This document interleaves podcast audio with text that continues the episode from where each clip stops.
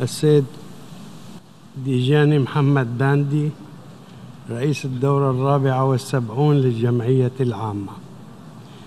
أهنئكم على انتخابكم رئيسا للجمعية العامة في دورتها الحالية وأتمنى لكم النجاح والتوفيق.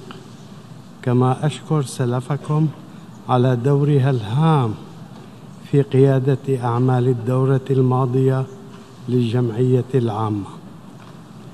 السيد الرئيس السيدات والسادة نلتقي اليوم في لحظة تبدو فيها الصورة قاتمة على الصعيد العالمي حيث تتعرض الأسس التي قامت عليها منظومة العلاقات الدولية السياسية والاقتصادية والقانونية والأمنية لخطر غير مسبوق منذ تأسيس منظمتنا هذه حيث تتزايد النزاعات والتهديدات للأمن والسلم الدوليين. وفرص الحرب تسبق فرص السلام وتوازن الاقتصاد العالمي يتجه نحو المجهول.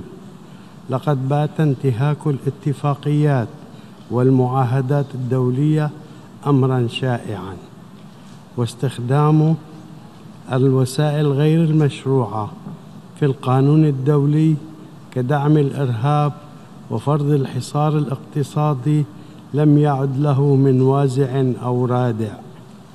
إن كل ذلك يزيد من حالة الفوضى على الساحة الدولية ويجعلنا نتجه شيئا فشيئا نحو شريعة الغاب بدلا من حكم القانون. ويضع مستقبل بلداننا في خطر حقيقي ويجعل شعوبنا تدفع أثمانا باهظة من أمنها ودماء أبنائها واستقرارها ورفاهها. إننا نقف اليوم أمام مفترق طرق فإما أن نعمل بصدق على بناء عالم أكثر أمنا واستقرارا وعداله عالم خال من الإرهاب والاحتلال والهيمنة. عالما يستند إلى القانون الدولي وثقافة الحوار والتفاهم المشترك أو أن نقف مكتوفي الأيدي أمام كل ما يحدث ونترك مستقبل شعوبنا والأجيال القادمة في مهب الريح. ونضرب بعرض الحائق المبادئ والأهداف التي وضعها الآباء المؤسسون لهذه المنظمة. هذا هو السؤال والقرار لكم أيها السادة. السيد الرئيس ما زال الإرهاب يمثل أحد أهم التهديدات للسلم والأمن الدوليين ويشكل خطرا محدقا يواجه الجميع دون استثناء. وذلك رغم ما حققناه في سوريا من إنجازات بفضل تضحيات وبطولات الجيش العربي السوري ومساعدة الحلفاء والأصدقاء. لقد عانى شعبنا لأكثر من ثمان سنوات من ويلات هذا الإرهاب الذي قتل الأبرياء بوحشية وتسبب في أزمة إنسانية ودمر البنى التحتية وسرق وخرب مقدرات البلاد ولكن في المقابل سيسجل التاريخ بأحرف من ذهب بأن الشعب السوري قد سطر ملحمة بطولية في حربه ضد الإرهاب وأنه لم يدافع عن نفسه وعن وطنه وحضارته بل ساهم أيضا في الدفاع عن الإنسانية جمعاء. وعن القيم الحضارية وثقافة التسامح والعيش المشترك في مواجهة الفكر المتطرف وثقافة الكراهية والموت التي تحاول نشرها التنظيمات الإرهابية مثل تنظيم داعش والنصرة وغيرهما ومن خلفهما من يرعاهما ويدعمهما. نحن عازمون على استكمال الحرب ضد الإرهاب بمختلف مسمياتها حتى تطهير كل الأراضي السورية منه. وسنتخذ كل الإجراءات المطلوبة لضمان عدم عودته. ولكن بالمقابل إن القضاء النهائي عالميا على هذا الكابوس الجاثم على صدور الجميع. يتطلب إرادة دولية حقيقية. ولتحقيق هذه الغاية لسنا بحاجة لإعادة اختراع العجلة فلدينا ترسانة ضخمة من القرارات في مجلس الأمن المعتمدة تحت الفصل السابع والمخصصة لمحاربة الإرهاب وتجفيف منابعه وقطع وقطع مصادر تمويله. لكن المشكلة أنها ما زالت جميعها حبرا على ورق فمحاربة الإرهاب للأسف ليست بعد في سلم أولويات بعض الدول وتراها تصمت صمت القبور إزاء ما تواجهه دول مثل بلادي من إرهاب وحشي. بينما لا يتعدى الأمر بالنسبة للبعض الآخر مجرد إطلاق التصريحات والبيانات الجوفاء. وبالمقابل هناك من يستثمر فعليا في الإرهاب ويستخدمه كأداة لفرض أجنداته المشبوهة على الشعوب والحكومات التي ترفض الإملاءات الخارجية وتتمسك بقرارها الوطن المستقل. وقد تجلى هذا الأمر بأوضح صورة في حالة سوريا حيث استقدم إليها عشرات الآلاف من الإرهابيين الأجانب من أكثر من مئة دولة وذلك بدعم وتغطية من دول باتت معروفة للجميع. والأنكى من ذلك أن هذه الدول نفسها تنكر علينا حقنا في الدفاع عن شعبنا من هؤلاء الإرهابيين وتعتبرهم مقاتلي حرية أو كما يحلو للبعض تسميته بالمعارضة السورية المسلحة لكن غاب عن ذهنهم بأنهم إذا استمروا في نهجهم هذا فإن الإرهاب سيعود أقوى مما كان وسيهدد الجميع دون استثناء حتى داعميه ومستثمريه. أيها السيدات والسادة إن أوضح مثال على ما أقول. هو الوضع في منطقة إدلب السورية والتي أصبح معروفا للجميع بأنها باتت تشكل أكبر تجمع للإرهابيين الأجانب في العالم وذلك بشهادة تقارير اللجان المختصة في مجلس الأمن نفسه. إن الوقت الممنوح لإلقاء كلمتي لا يسمح لي بتعداد الجرائم التي يرتكبها هؤلاء الإرهابيون ولكنني سأذكر فقط قصفهم المستمر للمناطق المدنية المجاورة لإدلب بالقذائف والصواريخ واتخاذ المدنيين المتواجدين في منطقة إدلب دروعا بشرية ومنعهم من الخروج عبر ممر أبو الظهور الإنساني الذي فتحته الحكومة السورية إن السؤال هنا هو لو كنتم تعانون مثل هذا الوضع هل يمكن لحكوماتكم أن تقف مكتوفة الأيدي؟ هل يمكن أن تتخلوا عن حقكم وواجبكم في حماية شعوبكم وفي تحرير منطقة ما في بلادكم من سيطرة الإرهابيين وشذاذ الآفاق؟ لقد تعاملت الحكومة السورية مع المبادرات السياسية الرامية إلى حل الوضع في إدلب ومنحتها أكثر من الوقت اللازم للتنفيذ حيث رحبنا بمذكرة إنشاء مناطق خفض التصعيد وباتفاق سوتشي بخصوص منطقة إدلب. أملا منا في أن يسهم ذلك في استكمال عملية القضاء على جبهة النصرة. وبقايا داعش وغيرهما من التنظيمات الإرهابية المتواجدة في إدلب وذلك بأقل الخسائر بين صفوف المدنيين. كما أعلنا عدة مرات عن وقف العمليات القتالية. ولكن إليكم ما الذي حصل منذ ذلك الوقت وحتى الآن لم ينفذ النظام التركي التزاماته بموجب هذه الاتفاقيات لا بل على العكس فقد قدم كل أشكال الدعم للإرهابيين وحصلوا على أسلحة أكثر تطورا كما سيطرت جبهة النصرة التابعة لتنظيم القاعدة على أكثر من 90% من منطقة إدلب. وباتت نقاط المراقبة التركية التي أقيمت داخل الأراضي السورية نقاطا لدعم الإرهابيين وعرقلة تقدم الجيش السوري في معركته ضد الإرهاب في إدلب. والآن يستميت النظام التركي مدعوما من بعض الدول الغربية في حماية إرهابيي جبهة النصرة وباقي التنظيمات الإرهابية المتواجدة هناك. تماما كما فعلوا سابقا في كل مرة كنا نواجه فيها الإرهابيين. تخيلوا أيها السادة أن تتدخل دولة ما بشكل مباشر لحماية جبهة النصرة التابعة لتنظيم القاعدة والتي أكدت قرارات مجلس الأمن نفسه على أنها تشكل تهديدا ليس لسوريا فقط بل للسلم والأمن الدوليين.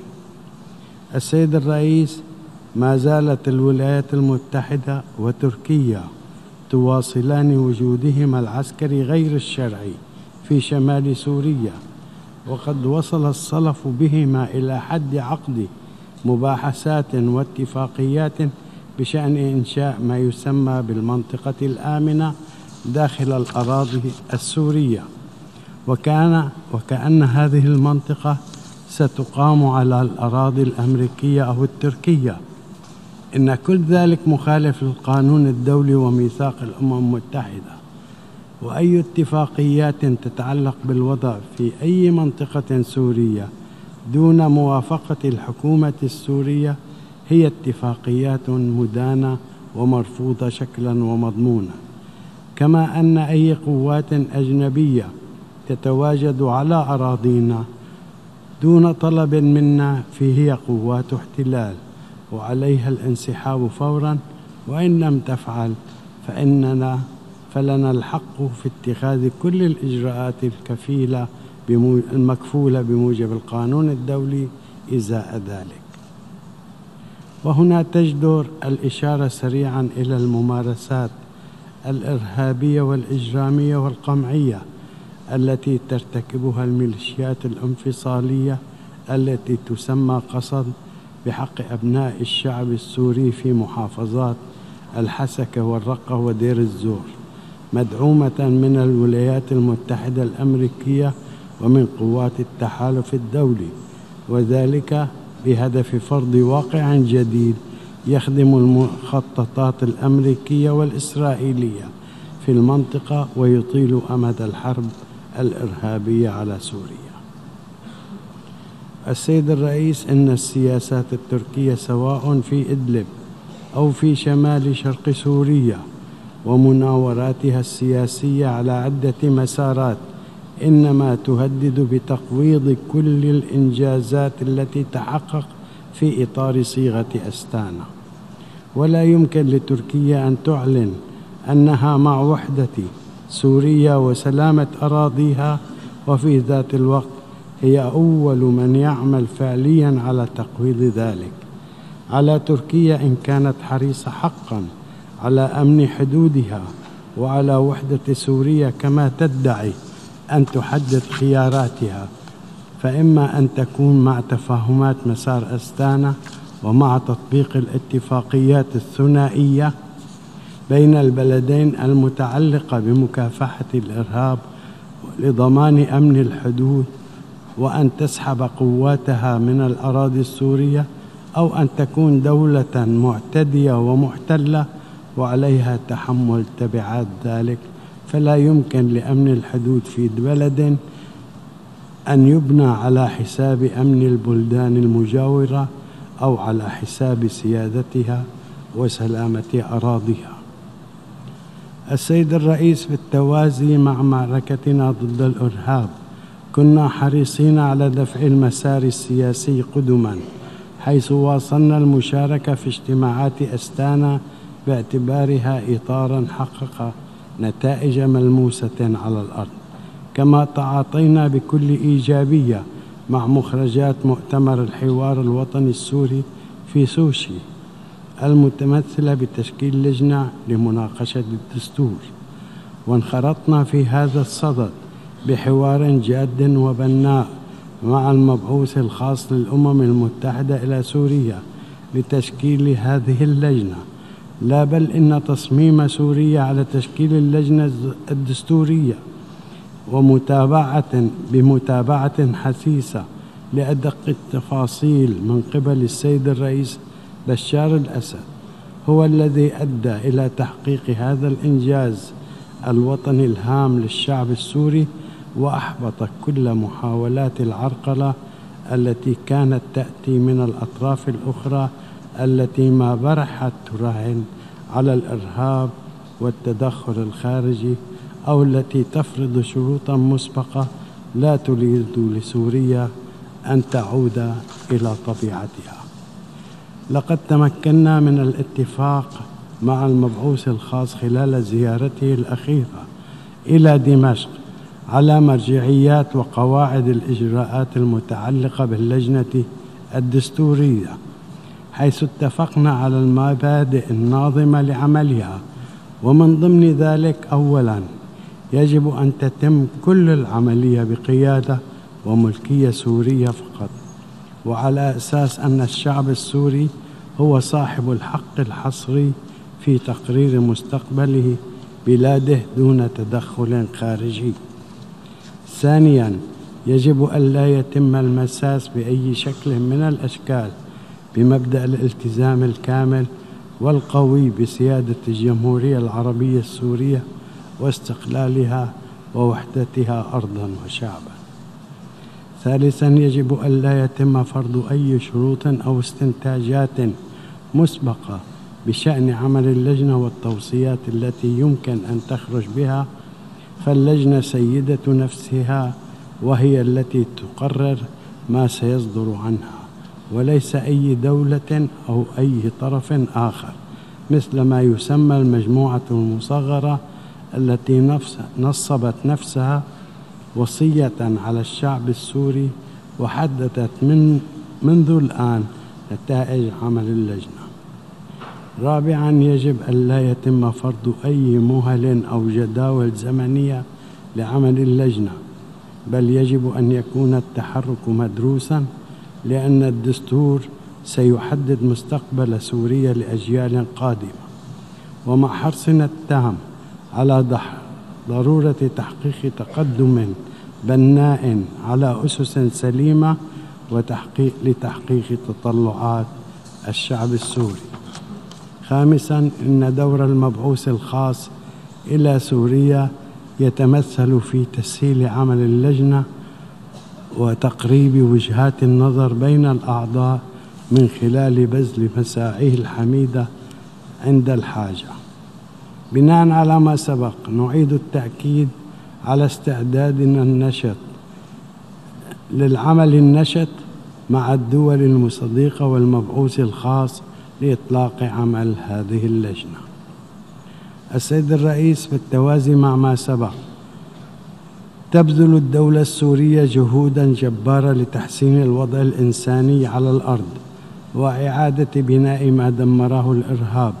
وقد قطعنا شوطا لا بأس به في هذا الصدد وذلك رغم الحصار الاقتصادي غير الشرعي ولا الإنساني المفروض على شعبنا من قبل بعض الدول والذي طال حتى الأجهزة الطبية والأدوية والمواد النفطية الضرورية لتوفير الكهرباء والغاز المنزلي ووقود التدفئة. وقد وصل الأمر بالولايات المتحدة الأمريكية إلى حد تهديد الشركات المشاركة في معرض دمشق الدولي وذلك لعرقلة دوران العجلة الاقتصادية في سوريا. في الواقع إن هذه الدول بعد أن فشلت في تحقيق أهدافها عبر الإرهاب بشكله العسكري انتقلت إلى شكل آخر لا يقل شراسة وهو الإرهاب الاقتصادي المتمثل بالحصار والإجراءات الاقتصادية القصرية أحادية الجانب. انطلاقا من ذلك فإننا ندعو كل الدول المحبة للسلام والحريصة على القانون الدولي على العمل سويا لاتخاذ إجراءات فعلية لمواجهة هذه الظاهرة التي لا تستخدم ضد سوريا فحسب بل بادت سلاحا للابتزاز السياسي والاقتصادي ضد الكثير من دول العالم. ومن هنا فإننا نجدد المطالبة برفع مثل هذه الإجراءات غير الشرعية. المفروضة على الشعب السوري وعلى كل الشعوب المستقلة الأخرى وفي مقدمتها شعوب إيران وفنزويلا وكوريا الديمقراطية وكوبا وبيلاروس كما نقف إلى جانب الصين وروسيا في وجه السياسات الأمريكية الجائرة تجاههما. من جهة أخرى لقد أكدنا مرارا بأن الأبواب مفتوحة أمام جميع اللاجئين السوريين للعودة الطوعية والآمنة إلى بلادهم. ونحن كدولة تقدم للراغبين بالعودة منهم كل التسهيلات التي يحتاجونها. ونعمل على إعادة بناء وتأهيل المرافق الخدمية والبنى التحتية في مناطقهم التي تم تحريرها من الإرهاب. لكن العرقلة تأتي من الدول الغربية وبعض الدول المستضيفة للاجئين. فقد لاحظنا انقلابا عجيبا في موقف هذه الدول. ففي حين كانت لا تترك مناسبة إلا وتطالب فيها بعودتهم فورا إلى سوريا أصبحت اليوم تضع شروطا وحججا وهي لعرقلة عودتهم. وذلك لاستخدام هذا الملف الإنساني البحت كورقة في تنفيذ أجنداتها السياسية المبيتة. إننا أمام مسرح العبث أيها السادة ولكن الفرق هنا أننا أمام عبث بمصير الشعوب وتلاعب بشع بمعاناتهم الإنسانية. السيد الرئيس بدلا من أرى من أن نرى سعيا نحو السلام والاستقرار في منطقتنا شهدنا فصلا جديدا من فصول التصعيد الإسرائيلي. دفع المنطقة إلى مستويات غير مسبوقة من التوتر فلم تكتفي إسرائيل باحتلالها للأراضي العربية بما في ذلك الجولان السوري وبارتكابها يوميا انتهاكات للقانون الدولي ولقانون حقوق الإنسان بحق أبنائنا هناك وبدعمها للإرهاب بل وصل الأمر بها إلى حد شن اعتداءات متكررة على الأراضي السورية وعلى أراضي دول مجاورة تحت ذرائع واهية في انتهاك وفاضح للقانون الدولي وميثاق الأمم المتحدة وقرارات مجلس الأمن. إن هذه الانتهاكات الإسرائيلية ما كانت لتستمر وتتصاعد بهذا الشكل لولا الدعم الأمريكي المقدم إليها من دول معينة. لذلك فإن هذه الدول تتحمل المسؤولية الكاملة عن تبعات ما تقوم به إسرائيل. وما القرار الأمريكي بالاعتراف بسيادة إسرائيل على الجولان؟ السوري المحتل وقبله الاعتراف بالقدس المحتلة عاصمة لإسرائيل ونقل السفارة الأمريكية إليها والجهود الأمريكية الحثيثة لتصفية القضية الفلسطينية إلا صور بشعة لهذا الدعم وهي كلها قرارات باطلة شكلا ومضمينا وتمثل أعلى درجات الإزدراء بالشرعية الدولية.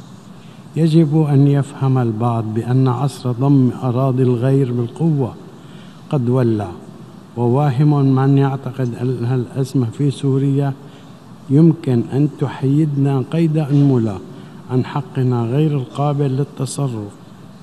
باستعادة الجولان كاملا حتى حدود الرابع من حزيران سبعة وستين بكل الوسائل التي يكفلها القانون الدولي أو كما أن قرارات الإدارة الأمريكية بشأن السيادة على الجولان يمكن أن تغير حقائق التاريخ والجغرافيا وأحكام القانون الدولي بأن الجولان كان وما زال وسيبقى أرضا سورية ولا بد من إجبار إسرائيل على تنفيذ قرارات الأمم المتحدة ذات الصلة وعلى رأسها القرار 497 الخاص بالجولان السوري المحتل ووقف اعتداءاتها المتكررة على دول المنطقة إضافة إلى وقف الاستيطان وتمكين الشعب الفلسطيني من إقامة دولته المستقلة وعاصمتها القدس على حدود الرابع من حزيران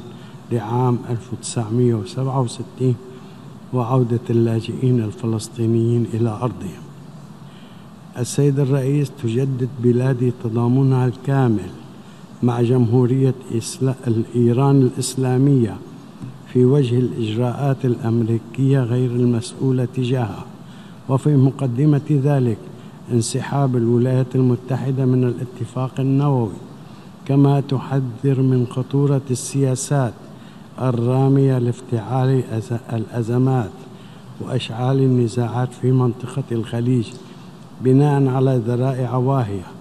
ونحن نعتبر بأن أمن واستقرار الخليج لا يمكن أن يتحقق إلا من خلال التعاون والحوار المشترك بين الدول المتشاطئة عليه بعيدا عن التدخل الخارجي الذي سيزيد التوتر في المنطقة ولن يخدم مصالح شعوبها. السيد الرئيس السيدات والسادة ختاما أقول لقد تمكنت سوريا بمساعدة حلفائها وأصدقائها من الصمود في مواجهة إرهاب منظم مدعوم خارجيا. استهدف سوريا الدولة والشعب والحضارة. ونحن وها نحن اليوم. وإذ ندخل مرحلة جديدة نقف فيها على أعتاب النصر النهائي في هذه الحرب فإننا ننشد مستقبلا زاهرا وآمنا لشعبنا بعد كل ما عاناه جراء ذلك. ورغم ذلك لا يتملكنا أي وهم بأن التحديات والمصاعب المختلفة التي نواجهها اليوم أو التي ننتظرها في المستقبل ستقل شراسة عما واجهناه من إرهاب. إلا أننا في المقابل عازمون كل العزم على مواجهتها والتغلب عليها أيضا. لقد كان لدينا دائما أفضل العلاقات مع مختلف الدول ولم نكن يوما في موقع المبادر لخلق حالة العداء مع أحد. واليوم إن أيادينا ممدودة للسلام وما زلنا نريد الحوار والتفاهم المشترك. ولكن مع الحفاظ على ثوابتنا الوطنية التي لن نتنازل عنها. بالطبع هناك حكومات دول أساءت لسوريا وأخطأت بحق شعبها ولكننا لن نتعامل مع أحد من منطق الحقد والانتقام بل انطلاقا من مصلحة بلادنا وشعبنا ومن رغبتنا في تحقيق السلام والاستقرار والازدهار في سوريا والمنطقة. بالمقابل يجب على الدول التي ناصبت سوريا العداء أن تراجع حساباتها وتصحح أخطائها وأن تخرج من حالة وأن تخرج من حالة الانفصال عن الواقع وتتعامل مع الأمور بواقعية وعقلانية بما يخدم مصلحة الجميع وشكرا.